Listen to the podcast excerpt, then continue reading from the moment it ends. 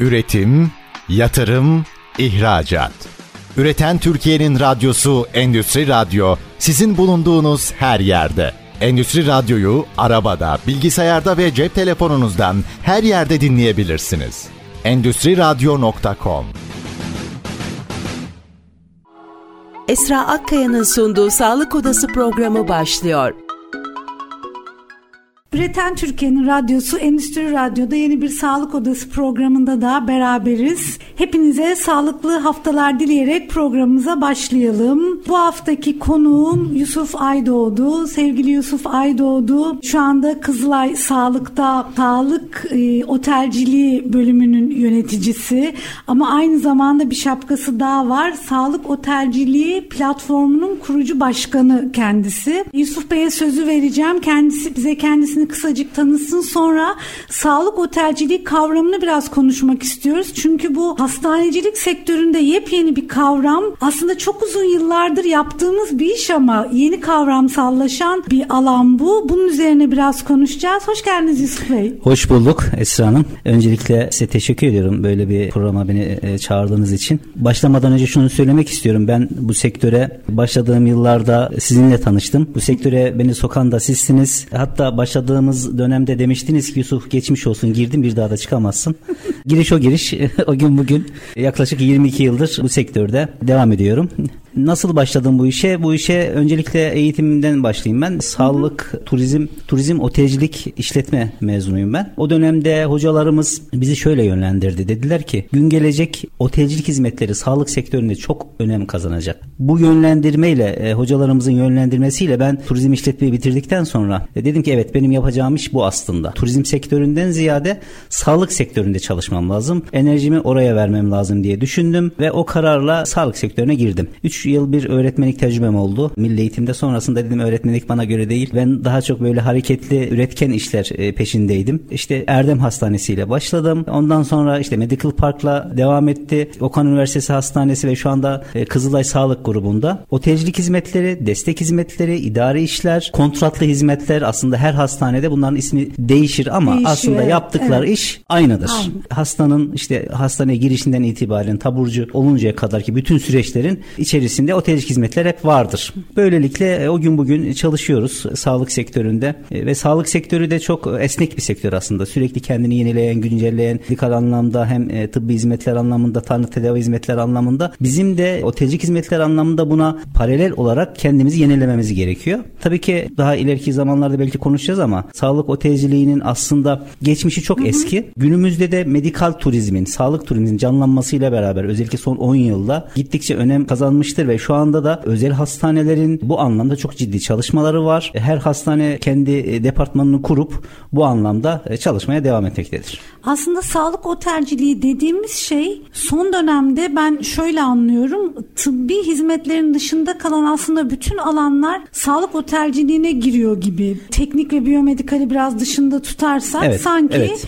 öyle algılıyorum artık. Doğru mu algılıyorum? Doğru. Mesela otelcilik hizmetlerin içerisinde 26 kalem iş vardır. Yani aslında bakıldığı zaman otelcilik hizmetleri deyip insanlar geçiştirebilir ama bunun içerisinde temizliğinden güvenliği, yemeğinden çamaşırhanesine kadar 26 kalem bir iş yükü vardır ve bunların aslında çoğusu da hizmet alımıdır. Tabii ki bir bakıma hizmet alımı kolay gibi görünür. Takibi kolay olsa da aslında iç- içeride süreçlerin kurulması oldukça zordur. Bunların takibi, denetimi oldukça süreklilik isteyen bir iştir ve bu anlamda bütün işin başından sonuna kadar sürekli başında bulunması gereken, takip edilmesi gereken bütçesinden denetimine kadar e, çok geniş bir süreçtir. Aslında ben hastanelere baktığımızda çok farklı bir şey e, yelpaze görüyorum. Genelde özel hastaneler bu alanları hizmet alımıyla yapmayı tercih ediyor. Yani ne yapıyor? Bir firmayla anlaşıyor. Temizliği gel sen benim adıma yap diyor ve o firmayı denetliyor. Kamu birazcık daha kendi yapmaya çalışıyor. Birazcık daha yani orada da tam oturmamış bir şey var. Standartlar da tam oturmamış. Türkiye'de birazcık daha yeni yeni aslında bu alan oturuyor gibi görüyorum. Dün bir makale okudum sözü hemen size bırakacağım ama Amerika ile ilgili. Amerika'da e, mesela hastanede uzun süreli yatan hastalar arasında yapılan bir araştırmada hastane tercihlerinde kuru temizleme hizmetlerinin çok önemli olduğu ile ilgili bir yazı vardı. Ben önce biraz güldüm sonra dedim ki yani evet biz de aslında oraya doğru gidiyoruz yani kuru temizleme hizmet hizmetine bakarak hastaneyi değerlendirmiş hastalar ve bununla ilgili bir makale. Bundan 10 yıl önce baktığımızda çok daha temel şeylere bakıyorduk hastanecilikle ilgili. Şimdi bunlar çok ön plana çıkmaya başladı.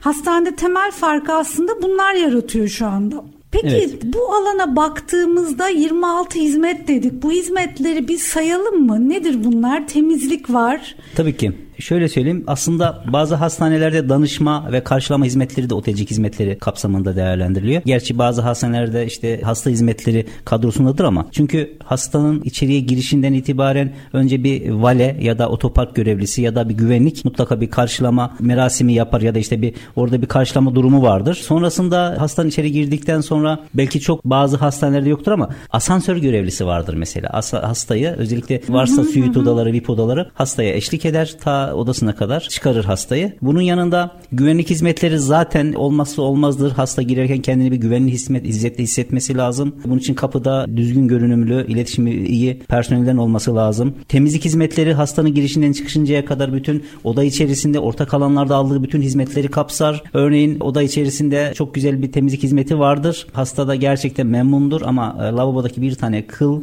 o gün ya da işte o süreçte verilmiş bütün hizmetleri irdeler noktasına getirir. Sonrasında atık yönetimi yine e, otecilik hizmetleri kapsamındadır ki zor bir süreçtir bu süreci yönetmek. Bir Sonra... de hastanelerde atık yönetimi standart bir atık yönetim süreci değil. değil. Evet. Yani tıbbi atık var işin içinde. Kesinlikle tehlikeli, tehlikeli atıklar, atıklar var, var, onkolojik atıklar var. Bunların alanlardan toplanmasına ta ki imha noktasına götürülünceye kadar bütün süreçleri otecilik hizmetleri evet. takip eder ve bunların da çok ciddi olumsuz durumlarda, sıkıntılı anlarda cezai durumları da söz konusudur ki en küçük ceza bugün 200 e, bin liradan başlıyor. Onu da geçen evet, e, bir olayda şahit oldum. Küçük bir olayda gerçekten de 200 bin lira başlayıp milyonlara kadar giden bir cezai süreçleri vardır ki e, kurumlar bunu gerçekten de çok önemseyerek yapmaktadırlar. Otopark vali hizmetleri zaten mutlaka vardır büyük hastanelerde. Çamaşırhane hizmetlerinin içerisinde az önce dediğiniz gibi kuru temizleme hizmeti, terzi hizmetleri onu da işte içinde ayırmak e, gerekiyor. Yemek hizmetleri sadece personel yemeği olarak düşünmemek lazım. O da yine otecik hizmetleri sürecindedir ama hastanın odasındayken aldığı işte alakart menüden tutun özel isteklerine kadar ya da işte günlük diyet menülerinden tutun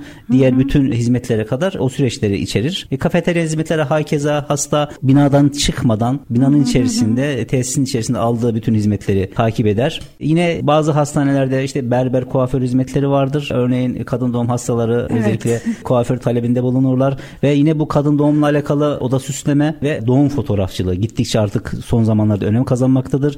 E, hatta ve hatta e, bu Covid süreciyle beraber bu süreçlerde biraz e, mesela çok rahattı e, önceden doğumhaneye giriş çıkışlar şunlar bunlar. Yine hastane anlaştığı bir doğum fotoğrafçısıyla, anlaştığı bir oda süsleme firmasıyla bu hizmetleri e, satın alır. Bunun yanında tabii ki refakat hizmetleri, ne otecik hizmetleri kapsamındadır. Dini hizmetler işte ek süreçlerinde ki bütün o süreçleri otecik hizmetleri takip eder. Hatta ve hatta gayrimüslim hastalar için odalarda İncil'den, Tevrat'tan, Zebur'dan, Kur'an-ı Kerim'den tutun işte bir teyemmüm tabletine kadar uzanan bir süreç vardır aslında. Ben çok denk geldim. E, abdest alamayan hastalar için de e, bizzat otelcik hizmetleri o noktayı bile düşünüp e, hastalara Zaten uluslararası standartlarda her dinin ihtiyacına göre Kesinlikle. hastaya yaklaşmayı zorunlu tutuyor standartlar yani. Evet. Uluslararası anlamda oraya da geleceğiz. Uluslararası kalite standartları bunda zaten zorunlu tutuyor. Evet. Hastaneler Şimdi aslında. mesela mescitler vardır. Her hastane önce de evet. mescitti isimler ama artık ibadethane olarak oldu. değişti. Çünkü her dine hitap etmek zorunda. Çünkü her dine göre bir bölüm odaya da işte mescit tarzında bir yer yapamazsınız. İbadethane olunca o süreci de kapsamış oluyor. Ve ek süreçlerinde de işte gayrimüslimlerin de kendine göre o hizmet talebinde bulunmak istiyorlar bazen. Örneğin işte bir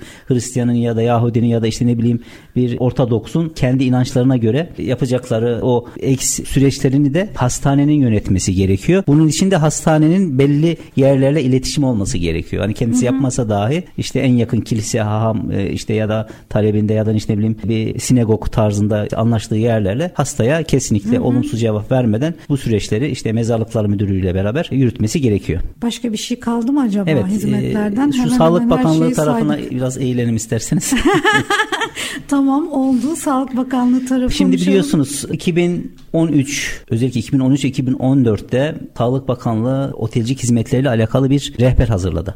Evet, dedi ki artık evet. biz dedi hastanın otelcilik hizmetlerinin kalitesini artırmak için bu altyapıyı kurmak için genelge yayınladı ve bu anlamda bütün hastaneler özellikle çok büyük hastanelere otelcilik hizmetler yöneticisi koordinatörü ya da işte direktörü tarzında kadrolar oluşturdu. Ben çok sevinmiştim o dönem. Dedim ki evet artık kamu da bu işe eğilmeye başladı. Özellikle şehir hastaneleriyle beraber güzel bir oluşumdu bu aslında. Ama ben üzülerek söylüyorum o dönemde o pozisyonlara ehliyetsiz insanların, liyakatsiz insanların alınmasıyla bu süreçler hep kesintiye uğradı. Yani Sağlık Bakanlığı istediği anlamda o verimi bu birimlerden alamadı. Planlanan gerçekleşmedi aslında. Gerçekleşmedi. Evet. O dönemde bizim de önerilerimiz oldu. Dedi ki meslekte aslında turizm işletme mezunu, hastane deneyimli bir sürü insan var. Yani olmasa da var yani sonuçta. Ama onlardan ziyade kurumlar kendi içerisinde ya da işte biraz da referans usulüyle o pozisyonlar dolduruldu ama pozisyonun altı doldurulmadı. İçeriği doldurulmadı. Şimdi demin de konuştuğumuz gibi otelcilik dediğimiz alan yani inanılmaz geniş bir alan ve herhangi birinin yapabileceği bir alan değil aslında. Değil. Yani hastaneci arkadaşlar bunu bilirler. Evet. Çok yönetmesi çok zor bir alandan bahsediyoruz Evet. aslında. Yani herhangi birini alayım oraya koyayım yapar. Genelde böyle bir bakış açısı oluyor. Aslında çok yanlış. Şimdi özel hastanelerde aslında bir dönem oldu bu yürümedi. Sonra hastane sahipleri dedi ki evet işi ehline vermek gerekiyor deyip biraz daha böyle inceleyip sık dokumaya başladılar. Tabi oraya o işi yapacak kişinin önce bir kere bir mesleki donanımının meslek eğitimin olması gerekiyor. Hadi onu da geçtik dedik ki işte mesleki tecrübesiyle belki o süreçler yürütür ama bu işi de biraz yani bilmesi gerekiyor. Özellikle istihdam noktasında alt kadroları oluşturma noktasında da çünkü kendisi yapmasa dahi alt kadronun bir garsonun bir işte vale görevlisinin bir otopark görevlisinin bile ciddi manada eğitilip bu işi öğrenmesini e, sağlamak lazım. Bu da tabii yukarıdaki insanın yetkisiyle ya da işte bilgisiyle alakalı bir şey. Maalesef bu çok sağlanamadı ama ondan sonra farklı kararlar alındı. İşte kamu hastanelerin biraz daha bu tarafta bir değişikliğe uğramasıyla bu süreç biraz daha kesintiye uğradı. Yalnız özel sektörde bu böyle olmadı. Özel hastaneler ciddi manada eğildiler bu işe. Hatta kendi içlerinde eğitim programları düzenlediler. Sertifikalı eğitimler başladı. Üniversitelerle ortak eğitimler yapılmaya başlandı ve bu anlamda gerçekten de şu an geldiğimiz noktada ben şunu gördüm. Önümüzdeki 5 yılda ya da önümüzdeki 10 yılda bu sektör çok çok farklı yerlere gidecek.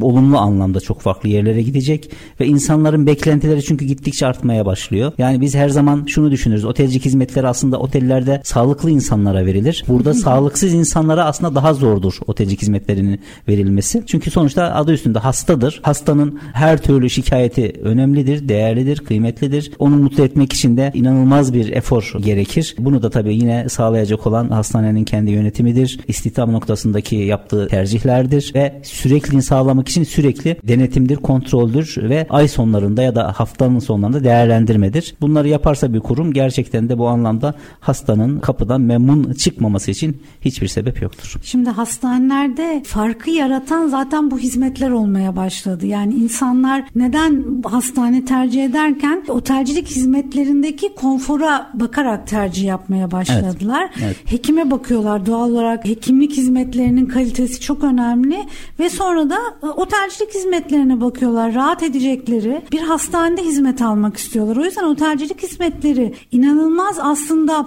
bundan 10 yıl önceye baktığımızda inanılmaz bir yere gelmiş durumda. Ben öyle görüyorum. Doğru, Çok çok doğru. yani artık çalınan mesela bazı hastanelere giriyorsunuz. Mesela dikkatinizi çekiyordur e, sevgili dinleyiciler. Mesela müzikler, müzik yayını duyuyorsunuz. Evet. Belli bölümlerde her bölümde çok denk gelemeyebilirsiniz. Artık böyle başka bir hava içinde hizmet veriyor hastaneler. Bunların hepsi aslında otelcilik hizmetleriyle ilgili alandaki çalışmaların sonuçları. İnsanların daha rahat edecekleri, daha konforlu bir alanda hizmet verdirmeye çalışıyor hastaneler. Evet şimdi Tabii ki bunları konuşurken aslında hizmet alan hastalar da gittikçe işi öğrendiler. Hani şöyle söyleyeyim aldıkları hizmeti sorgular hale geldiler, değerlendirir hale geldiler. E, hatta ve hatta eleştirir e, hale geldiler. Çünkü farklı farklı kurumlardan hizmet alınca kıyaslama şansları da oluyor.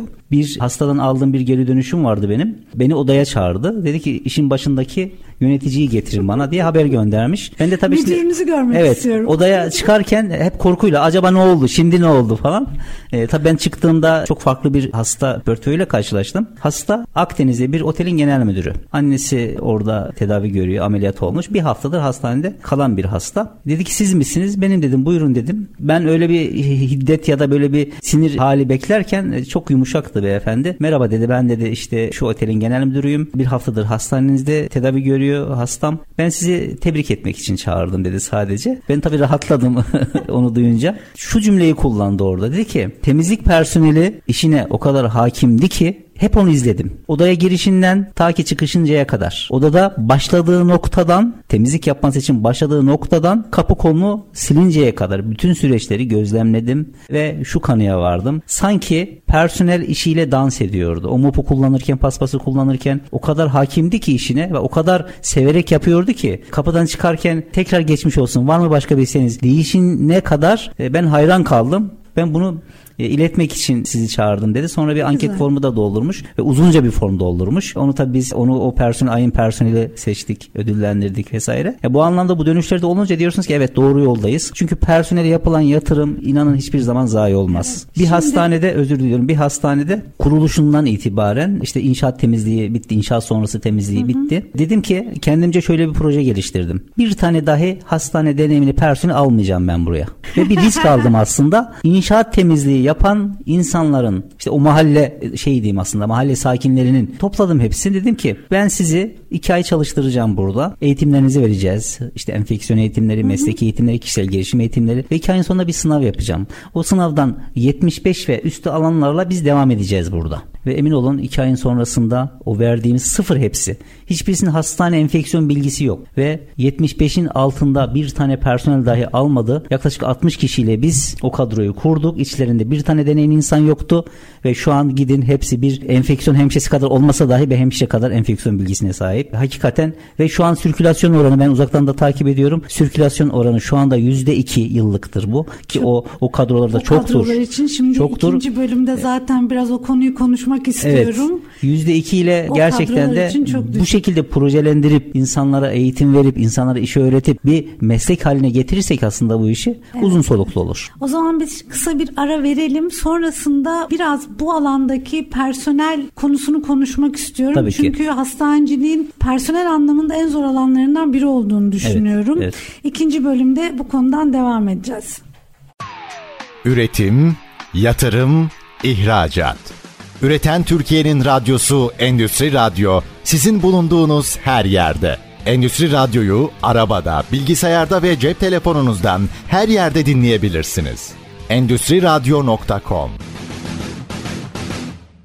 programımızın ikinci bölümüne geçtiğimizde ben önce birazcık sağlık otelciliği platformundan bahsetmek istiyorum diğer konulara geçmeden önce. Benim çok dikkatimi çeken bir platform bu ve ben bizim ülkemizde bu tür platformları çok önemsiyorum. Bir araya gelmeyi çok önemsiyorum. Bir araya gelince çok güzel işler yaptığımızı düşünüyorum. Bu platformu duyduğumda da benim çok hoşuma gitti. Biraz bize bu platformdan bahsedebilir misiniz? Bu platform ne yapıyor? Ne zaman kuruldu? Kimler neler var? Bir bu platformu bilmeyen arkadaşlarımız da öğrensin. Bu alanda bilmeyen arkadaşlarımız da eminim vardır. Biraz bu platformu anlatabilir misiniz Tabii bize? ki. Bundan yaklaşık 4 yıl önce böyle bu işleri konuşurken araştırmalarım sonucunda ben aynı zamanda yüksek lisansımı sağlık otelciliği alanında yaptım. Uzun bir dönem araştırma fırsatım oldu. Şuna baktım ki böyle bir birlik, böyle bir beraberliğin olduğu ya da birlikte hareketin olduğu bir ya da bir bilgi paylaşımının olduğu bir platform yok. Herkes el yordamıyla bir şeyler yapmaya çalışıyor ve kimse kimsenin ancak ben sizi tanırsam arayıp işte o işi sorabiliyorum. Bilgi alabileceğim böyle bir dinamik yok. Dedim ki ya neden böyle bir aslında ben dernekçiliğe öteden beri ilgilenen bir insanım ve neden böyle bir platform olmasın dedim. Sonra birkaç arkadaşıma konuyu açtık. istişare ettik. Dedik ya yapamaz mıyız? İşte tanırsınız bazılarını işte Akan Bey var. Akan Kılıç işte Erkan Bey var. Erkan Yeter şu anda. Sevgili dinleyicilerimiz evet. bizim sektörümüz çok büyük bir sektör ama bir o kadar da küçük bir sektör. Yani çoğumuz birbirimizi tanırız. O yüzden şimdi konuşurken Yusuf Bey'le evet yani bildiğimiz arkadaşlarımız, emektar arkadaşlarımız evet, aslında meslekte sektörde. meslekte emektar insanlar. Evet, evet. Sonra çok güzel olur dediler. Bir kahvaltı yaptık toparlayabildiğimiz o zaman 5 ya da 6 kişiydik Hı-hı. aynı fikirde olan. O kahvaltının sonucunda bir karar aldık. Dedik ki arkadaşlar önce bir bu platformun amacını koyalım ortaya. Sonra neler yapacağız ya da işte bir kısa vadede, orta vadede, uzun vadede planlar çıkaralım. E sağ olsun herkes bilgi donanımıyla bir şeyler çıkardı ortaya. Sonrasında şu karar aldık. Her ayın işte son pazarı kahvaltı olacak ve o kahvaltıyı da ilk önce bir birkaç defa otellerde yaptık. Sonra dedik ki neden biz kendi kurumlarımızda yapmıyoruz? Örneğin Hı-hı. her hasta hastane misafir kabul edip ev sahipliği yaptı bu kahvaltıya ve gerçekten o kahvaltılardan çok güzel şeyler çıktı. Çok güzel bilgi paylaşımları çıktı. Sonra 6 kişiyle başlayan bu iş şu anda 24 hastaneyi kapsıyor. 24 arkadaşımız bu platformun içerisinde ciddi bir sinerji oluştu ve şu an hala talepler geliyor. Şehir dışına açtı. Şu an Bursa'dan iki hastane daha önümüzdeki ay katılacak aramıza. Ankara'dan birkaç hastane dönüş yaptı bize. Tabii ki bunlar insanlar duydukça e, acaba ne oluyor bu platformda diye merak ediyorlar. Bir kahvaltımıza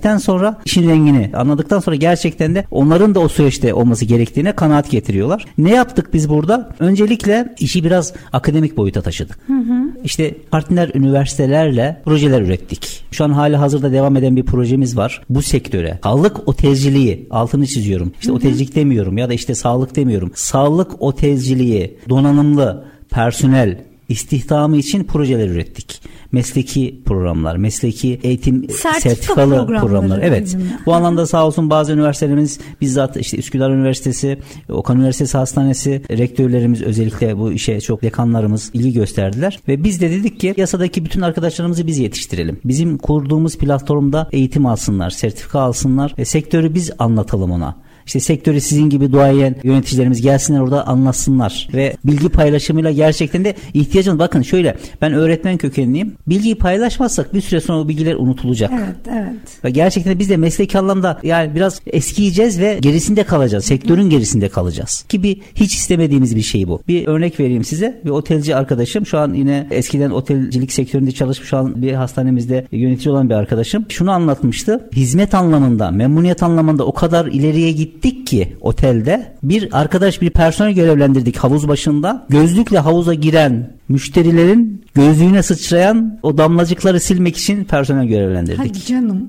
evet. İşin son noktası bu aslında. Hani otelde yap, yapacak bir şey kalmadı. Evet.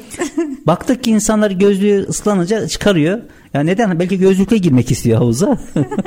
yani e, bu biraz tabii ki e, espri konusu ama gerçekten de bu anlamda artık biz de dedik ki sağlık sektöründe yapacak o kadar çok şey var ki. O kadar çok şey var ki artık bu dijital dünyada da insanların odaya girdikten sonra odada işte bir tablet maharetiyle otacık hizmetlerine ulaşması. İşte seçeneklerle işte çünkü altyapıyı ne kadar sağlam kurarsanız yukarıda da o hizmeti çok rahat verebilirsiniz. E bunun için de personel istihdamı söz konusu. İşi bilen insanlar. Yani garsonu düşünsenize bir 5 yıldızlı otelde bir restoran restorandaki garsonu siz odanızda düşünün. Hı. Ya da işte yurt dışından gelen işte bir Malezya'da Malezyalı bir hastanın işte hizmetini e, gören bir garsonu düşünün ve Malezya işte yöresel yemekleriyle bir ikramın olduğunu düşünün. Gerçi artık o konuda biraz tartışılır. Yurt dışı hastaları kendi yemeklerini yemek istemiyorlar. Evet geldiklerinde. Hatta bir Arap ülkesinden işte sizinle birlikte çalıştığımız hastanede bir dönem yurt dışından gelen hastalara biz dedik ki o bölgenin yöresel yemeklerini yapalım. Daha çok baharat seviyorlar. İşte ya da farklı yemek türleri. Araştırdık. Aşçısını bulduk getirdik vesaire. Hastanın bir tanesi dedi ki biz zaten bunları yiyoruz memleketimizde. Bize Türk yemekleri getir. Biz gelmişken bunları da tatmak istiyoruz. Ve e, bu anlamda işi bilen personelin istihdamını da biz bu platformda sağlayıp ve ehliyetlerini de yani sertifikalarını da verip ve ciddi bir örgütlenmeyle dönem dönem dönem çalıştaylar yapıp dönem dönem işte kongreler yapıp benim en büyük hayalim çok büyük bir Türkiye çapında bir kongreyle bu işi taşlandırmak. En son geçen ay Bahat Hospital'da bizim Erkan Yeter kardeşimizin ev sahipliğinde bir zirve yaptık. Otelcik Hizmetler Aha, Zirvesi. Evet, evet. Yani e, orada da zaten burada dillendirildi, konuşuldu. Gerçekten de bu iş artık oraya doğru gidiyor. Yani her hastanede Otelcik Hizmetler Müdürlüğü, yöneticiliği, direktörlüğü tarzında bir muhasebe kadar, finans kadar, bir medikal muhasebe ya da bir anlaşmalı kurumlar kadar artık önemli önem arz etmekte. Bunun için de tek yol bu birlik olmalar ya da bu bilgi paylaşımından olduğu platformlar. Şu an gerçekten de çok güzel gidiyor ve bu anlamda da farklı yeniliklerimiz var, farklı projelerimiz var. Biz arkadaşlarımızı zaten yavaş yavaş diğer hastanelerde bunun duyurusunu yapmaya başladık. İsteyen hastaneleri sokuyoruz. Hani istemeyen mesela bazı ketum hastaneler ya gerek yok biz böyle iyiyiz deyip girmeyen hastaneye çok ısrar etmiyoruz ama bir süre sonra hastane olarak mı giriliyor yoksa mesela bireysel olarak orada çalışan biri girebiliyor mu? Gire girebilir. Hiç bu problem yok ama daha çok hastane e, yöneticisi anlamında başladığımız için evet. A hastanesini biz bünyemize almış oluyoruz. Hı-hı. Sonrasında ha, o hastane o ayrılır, başka yere gider. O gelen kişi gelir gelmez o başka bir şey tabii ki. Ama biraz da bireyselleştirdik biz bunu. Anladım. Yani örneğin mesela hastanede çalışır, idari işler müdürüdür ya destek hizmetler müdürüdür ya da farklı bir pozisyondadır. Yine bu süreçte olabilir. Yine programda olabilir. E, çünkü biraz da işin yetenek anlamında da belki arkadaşımız ileriye dönük bir kariyer hedefi planlamaktadır. Biz onlara da kapımızı açıyoruz. Hatta ve hatta her ay bir partner firmayı biz konuk alıyoruz. Nedir mesela o sektörde hizmet veren bir firmayı mesela evet örneğin veren işte ISS ya da işte farklı bir firma gelip diyor ki işte e, ben de bu süreçte olmak istiyorum. Tabii ki buyurun diyoruz. Gelip sunumunu yapıyor. İşte verdiği hizmetleri anlatıyor. Zaten Ve yüzlerce partner firma var yani. Kesinlikle. Çünkü çok geniş bir alan. Yani onlar da kendilerini yüzlerce bu anlamda şimdi 24 tane hastaneyi karşısına alıp kendini anlatma fırsatı doğuyor. Yoksa 24 hastaneye tek tek dolaşmak zorunda, tek tek görüşmek zorunda. Onlar için de ayrı bir kapı açılıyor burada. Hem onlar süreçte oluyorlar hem de aslında onlardan da istifade ediyoruz. Çünkü onların da mesela bazı firmalar var ki gerçekten çok iyi bir kalite sistemleri kurmuş. Çok iyi bir eğitim ve denetim departmanı kurmuş. Onlardan da istifade ediyoruz. Nedir? E, o projeler döneminde onlardan belki eğitimci alacağız. Belki sektörden gerçekten de e, bu anlamda işi çok iyi bilen insanları biz bu sürecin içerisine sokacağız ve onlar da mutlaka kapılarımızı açıyoruz ve görüşmeler sonucunda da onları da bu platforma davet ediyoruz. E, inşallah önümüzdeki ayın aralığın sonuna doğru yine bir etkinliğimiz olacak. Sizleri de davet ederiz. Ha, çok seve seve ciddi bir bilgi paylaşım platformu aslında. Evet. Şimdi bu platformdan bahsetmişken ben bir süredir bu alanı sizin vasıtanızla aslında bu platform kurulduktan sonra araştırıyorum. Dünyadaki örneklerinde gördüğüm bu alana hasta hizmetlerini de dahil ediyor dünya. Yani evet. sağlık otelciliği dediğimiz alan hastanede verilen tıbbi hizmetler dışındaki teknik klinik ve biyomedikal dışındaki bütün alanları aslında sağlık otelciliği olarak nitelendiren bir anlayış var şu anda. Ve bunların tamamına has sağlık otelciliği olarak bakıyorlar. Bence de bana da çok anlamlı geliyor. Bence sizin rotanız da belki oraya doğru Şimdi... gidebilir. Bazı arkadaşlar kızacak bana evet. bunu dediğim için ama. Onu diyecektim. Ee... Hasta hizmetleri e, tarafı ya hayır biz zaten bağımsızız başka hani ama aslında aynı işi yapıyoruz. Evet evet. Yani Müşteriye aslında, dokunuyoruz. Hastaya evet, dok evet, müşteri evet. demeyeyim misafire dokunuyoruz. Evet, Hastaya evet. dokunuyoruz. E, bu anlamda bir temizlik personelin e, ne kadar bir ehemmiyet önemi varsa karşılamadaki bir banko görevlisinin ya da işte bir yönlendirme personeli o kadar ciddi önemi var. Tabii ki birlikte olunursa aslında çok farklı şeyler çıkar ortaya. Evet. Peki biraz şeyden bahsedelim istiyorum. En personelle ilgili en büyük sıkıntı yaşanan alanlardan biri otelcilik alanı aslında hastanecilikte. Evet. Yani kalifiye personel bulmak çok zor turnover'ın en yüksek olduğu alanlardan biri çünkü bir meslek olarak algılamıyor insanlar. Bir geçici aslında hasta hizmetleri de aynı sorunu yaşar. Bir geçici dönem olarak bakıyor insanlar ve hastanelerde en büyük sorunlarımızdan biri aslında bizim bu alandaki personel sorunumuzdur. Biraz bu konuda konuşalım istiyorum. Evet. Yani bu alanda yaşadığımız diğer sorunlar biraz sorunlardan bahsedelim evet, istiyorum. Tabii ki biz isteriz ki bu hizmetler devlet eliyle başlayıp özel sektörde daha farklı boyutlara ulaşmasıdır ama bazen istediğimiz gibi olmuyor. Özellikle mevcut politikalar, sürekli değişen politikalar, gelişen politikalar buna çok müsaade etmiyor. İstihdam sorunu her zaman bu sektörde olmuştur. Az önce demiştik çünkü bu işe, bu göreve, bu departmana olsa da olur, olmasa da olur. Ya bu vazifeyi işte şuradaki arkadaşımız da yapabilir. Mantığıyla yaklaşırsa bir kurum emin olun orada bir e, kalite yakalamak mümkün değildir. İkincisi çok iyi bir eğitim altyapısı kurmak gerekiyor.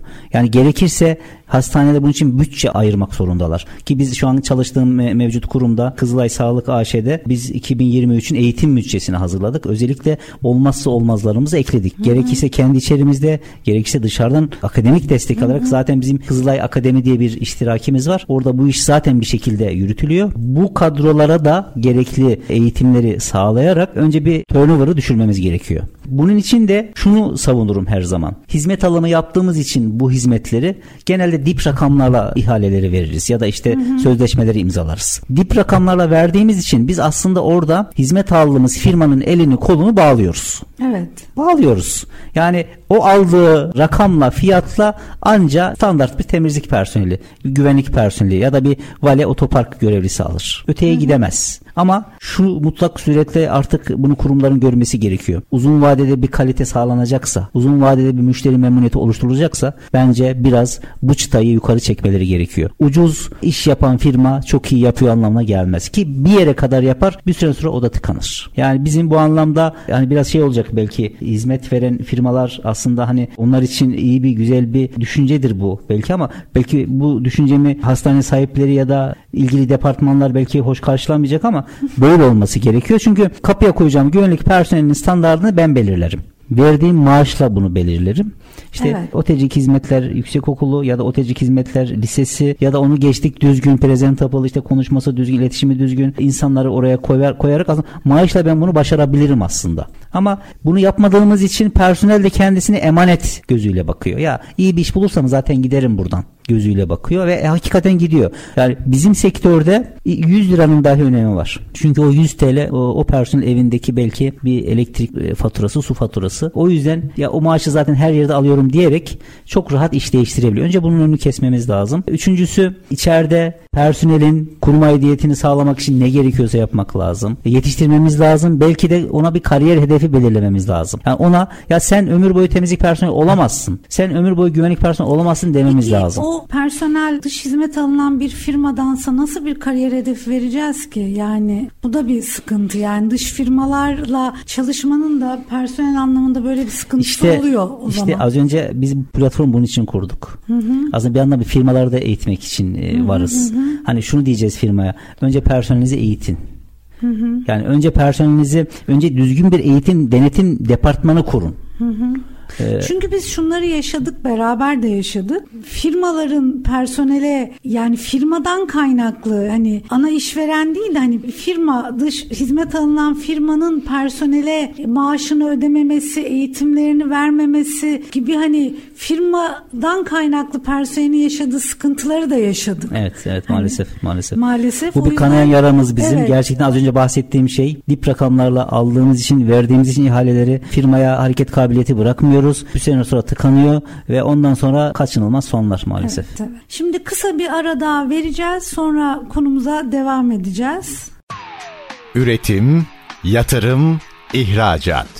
Üreten Türkiye'nin radyosu Endüstri Radyo sizin bulunduğunuz her yerde. Endüstri Radyo'yu arabada, bilgisayarda ve cep telefonunuzdan her yerde dinleyebilirsiniz. Endüstri Radyo.com Üçüncü bölümümüzde tekrar beraberiz. Şimdi personelle ilgili sıkıntılarımızı birazcık konuştuk. Biz bunu onlarca saat konuşsak bitiremeyeceğimiz bir konudur. Yıllardır da konuşuruz bu konudaki sıkıntıları. Birazcık kaliteyle ilgili konuşmak istiyorum. Şimdi sağlık sektörünü bilmeyen arkadaşlar için sağlık sektöründe çok sıkı kalite politikaları vardır aslında. Hem Sağlık Bakanlığı'nın koyduğu hem de uluslararası anlamda belirlenmiş bir sürü standartla biz çevrili olarak çalışırız sağlık sektöründe. Bir hastanede en basit temizliği yaparken bile kullandığımız bezler, kullandığımız kimyasallar her şeyin çok ciddi anlamda kurallara bağlıdır ve o yüzden otelcilik aslında en sıkı denetlenen alanlardan biridir. Birazcık kalite üzerine konuşalım isterim evet. Yusuf Bey. Aslında herkesin yapabileceği bir alan gibi düşünülen otelcilik bence yine kalite anlamında en sıkı alanlardan biri. Kesinlikle. Şimdi bir kalite denetiminde örneğin bir işte GSI'dir ya da SKS'dir o denetimlerde en fazla denetime bizim grup maruz kalır. Çünkü hastanenin evet. her yerindeler. Evet. Yukarıdan başlarsınız hasta katından işte kat görevlilerinden tutun aşağıda poliklinik aşağıda işte eksili katlarda çamaşırhaneye kadar otoparkın çıkışına kadar güvenliğe kadar biz her süreçteyiz. Ve dolayısıyla o kalite denetim süreçlerinde mutlak surette göz önünde olduğumuz için sürekli bir denetim söz konusudur aslında. Yani biz denetim önceleri mesela günlerce işte hazırlık yaparız işte alanları hazırlarız. Aslında bu günlerce çalışmamızın tek sebebi şu. Yaptığımızı yazmamamız yazdığımızı yapmamamız. Hep derler ya kaliteciler. Evet. E, sonra e, günün sonunda denetime yakın oturulur. Formlar yazılır, çizilir. İşte maksat gösterelim evet varmış formu tutulmuş ama aslında her denetçi o formun daha dün tutulduğunu çok iyi biliyor. Biz prosedür insanıyız. Bizden devlet mantığı vardır ya. Bana evrak göster. Yaptım mı yapmadım mı? Şöyle bir olay yaşamıştım. Denetçi dedi ki kamera kaydı ne kadar geri süre alabilirsin? Dedim ki iki ay öncesine kadar alabiliriz. Bana dedi şu günün gece saat 12.30'una ameliyathanenin çıkışını gösterir misiniz dedi. Amacı aslında atık toplama saatindeki atık personelinin hareketlerini gözlemlemekti. Ben korktum tabii ki. Şimdi gece alanda bir tane şef var. E, o şef de her yerde olamaz. Mümkün değil. Tabii. E, atık personeli kimse olmadığı için çok rahat eldivensiz ya da işte kişisel koruyucu önlemlerini almadan çalışabiliyor. Bu hep yaşadığımız şeyler. Çok korktum. Dedim inşallah hani akıllı bir şey yap yapmışızdır. Neyse hiç ummadığım bir personeldi. Böyle hep bizi ters köşeye yatıran bir personeldi. Emin olun o saate aldık tam ameliyathanenin çıkışında. Normalde o personel biz gözlük taktıramazdık. Bone dahi takmış, gözlük dahi takmış, kolluk dahi takmış. Artık bütün önlemlerini alarak ameliyathanenin atıklarını çıkarıp uygun güzergahta ta depoya kadar götürüyor. O süreci gördü. Ben dedi artık hiçbir şeye bakmama gerek yok. Siz dedi yazdıklarınızla, kayıtlarınızla ve gördüklerimle zaten siz bunu ispatladınız. Teşekkür ediyorum dedi. Kapattı konuyu. Şimdi bu olayın güzel tarafı aslında. Diğer tarafta da denetçiler aslında o formları evet biz görelim diye yapıyorlar. Onun da farkındalar ama biz bunu istemiyoruz. Biz rutin neyse personel prosedürdür, talimattır, formdur. Zaten iş yükü olarak gibi görünüyor ama artık teknoloji gelişti. Az önce söyledik ya artık tabletlerle şefler temizlik kontrollerini yapıyor. Evet, Şu anda evet. mesela bir hastanemde temizlik personeli VC'yi temizledikten sonra okutup dijital kartını okutup sisteme kaydediyor. Ben telefonumdan o VC'nin kaçta temizlendiğini görebiliyorum ya da şefi takip edebiliyor ya da herhangi bir yöneticiye o bilgi düşebiliyor. Artık o evrak yükü de kalktı ortadan. İşte otur saatlerce imza vesaire ama kalite bizim olmazsa olmazımız. Süreçleri doğru kurgularsanız gerçekten de doğru bir kurgulama yaparsanız sistemi doğru kurarsanız zaten size çok yük olmaktan ziyade bunlar her form bizim için aslında bir kontrol görevi görür otokontroldür aslında. Bunu sağlarsak bizim kaliteci, kalite yönetiminin departman işleri daha da kolay olur. E, dediğim gibi zaten işin başında enfeksiyon kontrol hemşiresi sürekli olmak zorunda. Her süreçte olmak zorunda. Eğitimleri sürekli yapıyor olmaları gerekiyor ve diğer anlamda da sürekli eğitimden de yenilenmesi gerekiyor ve kaliteye destek amaçlı. Ve sonrasında geldiğimiz noktada bütün personelin denetlendiğini bilmesi gerekiyor. Evet bir taraftan kameralar var, bir taraftan şefler var, bir taraftan alandaki çalışanlar var. Yani orada bankoda oturan bir personel bile sizin aslında bir denetleyeceğiniz ya da bir müşteri az önce söyledim. Müşteri oturup sizi oradaki temizlik yapışınızı bile seyredebiliyor. Tabi bu sadece temizlikle sınırlandırmamak lazım. Otelcilik hizmetleri diyoruz. Bir garson da bunun için çok önemli. İşte bir vale görevlisi de bunun örneği olabilir. E, bu süreçte kalite hedefli gidilirse eğer kalitenin öncülüğünde bazı işler yapılırsa ve sistem doğru kurgulanırsa zaten gerisi çorap söküğü gibi gelir. Zaten yani personelin ilk başta anlaması gereken, bizim anlatmamız gereken şey çalışılan yerin bir hastane olduğu aslında. Yani bir hastanede çalışmak hep konuştuğumuz bir şeydir. Herhangi bir yerde çalışmaya benzemez. Evet. Yaptığınız her şeyin sonu insan sağlığıyla ilgili bir yere çıktığı için yaptığınız hataların sonucu geri dönülmeyecek sonuçlar yaratabilir. O yüzden evet. de personel bunun idrakına vardığı zaman zaten ondan sonrası kolay oluyor aslında. Kalite bilinci biraz böyle bir şey. Çalıştıkları yer hastane. Evet. Yani çalıştıkları yer AVM değil, market değil, herhangi bir mağaza değil, hastanede çalışıyorsun. Evet. Ve sen insan sağlığıyla uğraşıyorsun. İşte bu idrak gücüne ulaştıkları zaman işimiz orada biraz daha kolay oluyor. Evet, ben başka bir örnek vereyim size. Şimdi kalite süreçleri derken işin içinde biraz da hasta bir şeyi de var, mahremiyeti de var. Hasta bilgilerinin paylaşılmaması da var. Çok o evet. kadar önemli ki yoğun bakımda bir tane çalışan yardımcı sağlık personeli ya da bir temizlik personeli dışarıya bilgi sızdırması ne kadar büyük bir olaysa ve ondan sonra o bilgiyi verdikten sonra 5 dakika sonra hastanın eksi olduktan sonraki o serzenişi bizim için ne kadar önemliyse asansörde işte bir hasta hakkında hatta ben de denk geldim. Personel diğer personel diyor ki geceden çıkmışlar bunlar. Ya işte şu numaralı odaya dikkat et diyor. İşte beni gece hiç uyutmadı diyor. Sürekli beni çağırdı. O hastanın yakını da asansörde bizimle beraber. Oda numarası verdiği için e, hasta yakın dedi ki o benim annem dedi. Ben o kadar utandım ki gerçekten de. Onlar da utandılar aslında. Sonra tabii bu, ertesi gün hemen bir eğitim planı yaptık. Hemen konuya eğildik ama e, sonuçta demek ki personel bunu yapabiliyor. E, o evet. bilginin sızması çünkü herkesin bir mahremiyeti var. Hastanın çok çok büyük bir mahremiyeti var. Bir sağlık çalışanı için ya da bir otelcik hizmetleri çalışanı için. Bu da yine kalite süreçlerinden geçiyor. Bunun kalite süreçlerinin doğru algılanması, doğru eğitilmesi, doğru öğretilmesi her personel için önem arz etmektedir. Peki birazcık da sağlık turizmi boyutunu konuşalım istiyorum. Sağlık otelciliğinin sağlık turizminde çok önemli bir yeri olduğunu düşünüyorum. Biz ülke olarak da bütün olarak baktığımız ülke olarak da ya da tek tek kurumlu olarak baktığımızda da eğer gerçekten sağlık turistlerine hizmet vermek istiyorsak bu alanda başarılı işlere imza atmak zorundayız ki bize hastalar gelsinler. Biraz sağlık turizminden bahsedelim mi? Tabii ki. Son zamanlarda özellikle son 10 yıla baktığımız zaman sürekli e, yukarıya doğru çıkan bir e, sağlık turizmi grafiği var. Biz bu grafiği aslında yukarıya doğru çıkarırken altında da çok ciddi bir otelcik hizmetlerin emeği var. Geldiğimiz noktada hastanın uçaktan inişinden itibaren özel araçla hastaneye getirilmesinden tutun ve tedavi aralarında hastanın ya ben İstanbul'u gezmek istiyorum bana İstanbul'u gezdirir misiniz deyip bizim rehberimizin onu alıp İstanbul turu yaptırması noktasına kadar her süreçte aslında biz turizmle sağlık turizmini birleştirdik bu noktada. Evet. Bugün gidin mesela Beyoğlu'nda İstiklal Caddesi'nde hep kafaları sarılı insanlar görürsünüz. Bandajlı insanlar evet. evet. O gün saçı ekilmiştir ama akşam ya gel bir İstiklali görmeden de gitmeyeyim deyip İstanbul'u gezen insanlar var. Biz bunu aslında tesisler olarak, sağlık tesisleri olarak yaparsak kendi elimizle yaparsak iş daha farklı bir boyuta ulaşır. Konaklaması hakeza öyle. Evet bir sağlık tesisinin bazı hastanelerin kendi konaklama tesisi çok az da olsa var ama daha çok anlaşmalı oteller maharetiyle bu iş yürümekte. Otellerin seçimi de çok önemli.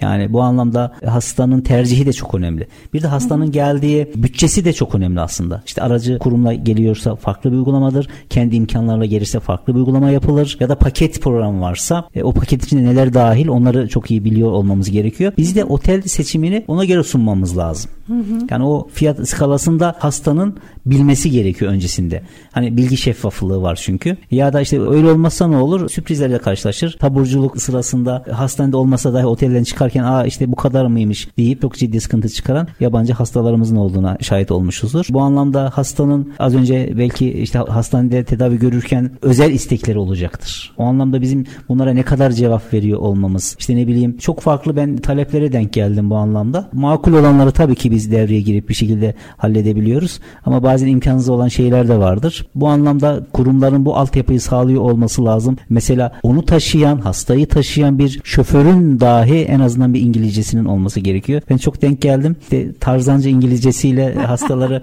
İstanbul turu yaptıran şoförleri bilirim ben gerçekten de ama hastalar en çok da onlardan e, zevk alıyorlar. O kültürü görüyorlar çünkü. Sağlık turizmi çok önemli. Gittikçe artan bir grafiği var. Bizim de altyapımızı buna göre hazırlamamız lazım ve gerçekten de biz dünyada çok iyi bir ülkeyiz sağlık turizmi anlamında. Hakikaten öyle çünkü yurt dışında sağlık pahalı. Tercih sebebiyiz ama bunun suistimal edilmemesi gerekiyor. Bunun için o kadar çok aracı firma, o kadar çok bu işi yapan donanımsız, vasıfsız, ehliyetsiz insanlar var ki artık gelen şikayetleri ben okuyorum bazen gerçekten de mağdur olan bir sürü hasta ve bir de bu da bizim ülkemiz açısından çok ciddi bir prestij çok kaybıdır. Çok sorun tabii. Ama biz sağlık turizminde çok iyi hekimlerimiz var. Çok iyi operasyonlar yapıyoruz. Evet. Fark yarattığımız alanlardan biri sağlık otelciliği aslında. Kesinlikle, kesinlikle. İnsanlar bizim hastanelerimizde rahat ettiği için hem uygunuz hem tıbbi anlamda verdiğimiz hizmetler gerçekten başarılı hem de otelcilik anlamındaki hizmetlerimizden memnun kaldıkları için aslında böyle üçlü bir saç ayağı var orada. Bu evet. yüzden bizi tercih ediyorlar. Evet katılıyorum. Peki şeyi nasıl değerlendiriyorsunuz? Şehir hastanelerindeki sağlık otelciliği hizmetlerini biraz daldan dala atlamış oldum ama onu konuşmadan kapatmak evet. istemiyorum bugünü. Aslında bina olarak baktığımız zaman çok görkemli binalar. Evet. Gerçekten de evet. çok donanımlı, fiziki anlamda çok yeterli binalar. Örneğin Tıbbi cihaz altyapısı da kesinlikle. çok gelişmiş ben binalar. her o hastaneye gittiğimde işte kendi gözümle, otelci gözüyle bakarım bütün binaya. E işte çamaşırhanesinde dahi işte kirli çıkışının, temiz çıkışının farklı olduğu, işte hasta asansörünün haricinde işte bir atık asansörünün, bir servis asansörünün ya da bir işte ne bileyim yemek asansörünün farklı olduğu ama e, az önce konuştuğumuz istihdam sorunu, az önce konuştuğumuz vasıflı, işi bilen personel konusu burada biraz daha kendini göstermekte. E, çok iyi bina olabilir. Çok güzel görkemli binalar yapabilirsiniz ama içinde çok güzel cihazlarla da donatabilirsiniz. Ama gerçekten de o cihazı kullanabilecek, o otelcik hizmetlerini sunabilecek personel istihdam edemezseniz eğer, o ortamı kuramazsanız o binanın hiçbir hükmü yoktur ve o bir görkemli bir yapıdan öteye gitmez ve üzülürüm. Gerçekten de mesela bazı binaları gezerken o kadar çok çabuk eskimiş ki daha 5 yıllık bina Emin olun. Gerçekten de üzücü bu. O sebebi de tamamen o OTC hizmetlerinin tam anlamıyla verilmemiş olması. Çünkü binaya bakacak olan bu personellerdir. O büyüklükteki yerlerde daha da zorlanıyoruz galiba hani tabii ki. otelcilik sürecini yönetmekte. Aynen. Binaların büyüklüğü tabii ki etkiler ama ona göre de kurgulamak lazım. İstihdamı ona göre kurgulamak lazım. Yani az elemanla çok iş değil. Evet az elemanla kaliteli iş fikrini yaymamız lazım bizim. Ve bu anlamda da bütün yöneticilerin gerçekten de bu işi önemseyip günü kurtarmak kurtarmaktan ziyade ileriye dönük binalarını canlı tutmaları, binalarını korumalarını sağlamaları ve yeniliklerde binalara taşımaları gerektiğini düşünüyorum. Evet Bugünkü konumuz sağlık otelciliği de aslında sağlık otelciliği konusunda konuşacak o kadar çok şey var ki her bir maddesi yani bu alanın kapladığı her bir madde temizliğinden güvenliğine ayrı bir program konusu olabilecek evet. maddeler. Saatlerce oturup konuşabiliriz ama bugünkü süremizin sonuna geldik. Ben Yusuf Bey'e çok teşekkür ediyorum. Çok keyif aldım. Aramızda olduğu için tekrar çok teşekkürler. Ben teşekkür ederim tekrar beni konuk aldığınız için. Ben özellikle ve özellikle bütün dinleyicilerime buradan selamlarımı iletiyorum ve tekrar Esra Hanım'ın bu sektördeki bana olan katkılarından dolayı kendisine tekrar tekrar teşekkür etmek istiyorum. Çok teşekkür Siz de iyi ki varsınız. Çok sağ olun. Sağ olun. Çok teşekkür ederim. Bir sonraki programımızda görüşmek üzere. Hoşçakalın.